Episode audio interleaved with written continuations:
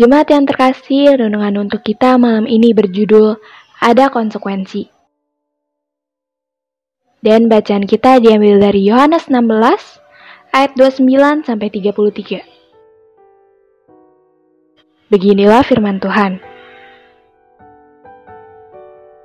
Kata murid-muridnya, Lihat, sekarang engkau terus terang berkata-kata dan engkau tidak memakai hiasan sekarang kami tahu bahwa engkau mengetahui segala sesuatu dan tidak perlu orang bertanya kepadamu. Karena itu kami percaya bahwa engkau datang dari Allah. Jawab Yesus kepada mereka. Percayakah kamu sekarang? Lihat, saatnya datang, bahkan sudah datang, bahwa kamu dicerai beraikan masing-masing ke tempatnya sendiri, dan kamu meninggalkan aku seorang diri. Namun aku tidak seorang diri, sebab Bapa menyertai aku. Semuanya itu kukatakan kepadamu, supaya kamu beroleh damai sejahtera dalam aku. Dalam dunia kamu merita penganiayaan, tetapi kuatkanlah hatimu, aku telah mengalahkan dunia. Menjadi pengikut Kristus mendapat jaminan keselamatan dan kita akan memiliki kehidupan setelah kematian. Semua orang pasti mendambakan hal ini, karena memang kehidupanlah yang membuat semua orang terus bersemangat. Namun di satu sisi untuk mempertahankan itu tidak mudah. Seperti yang dibayangkan, akan ada banyak penindasan dan juga tekanan dari orang di luar kekristenan.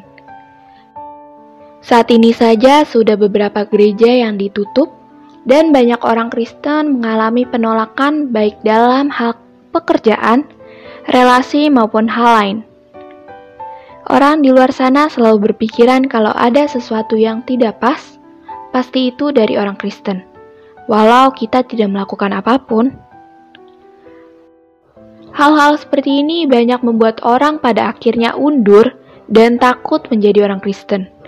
Banyak juga yang memilih jalan lain demi aman hidupnya. Orang merasa bahwa yang terpenting dalam hidup adalah sekarang sedang dijalani, sehingga melihat kehidupan setelah kematian adalah hal yang tidak penting. Perkataan Kristus dalam ayat 33 hendaklah menjadi perhatian bagi kita saat Kristus mengatakan bahwa Ia telah mengalahkan dunia.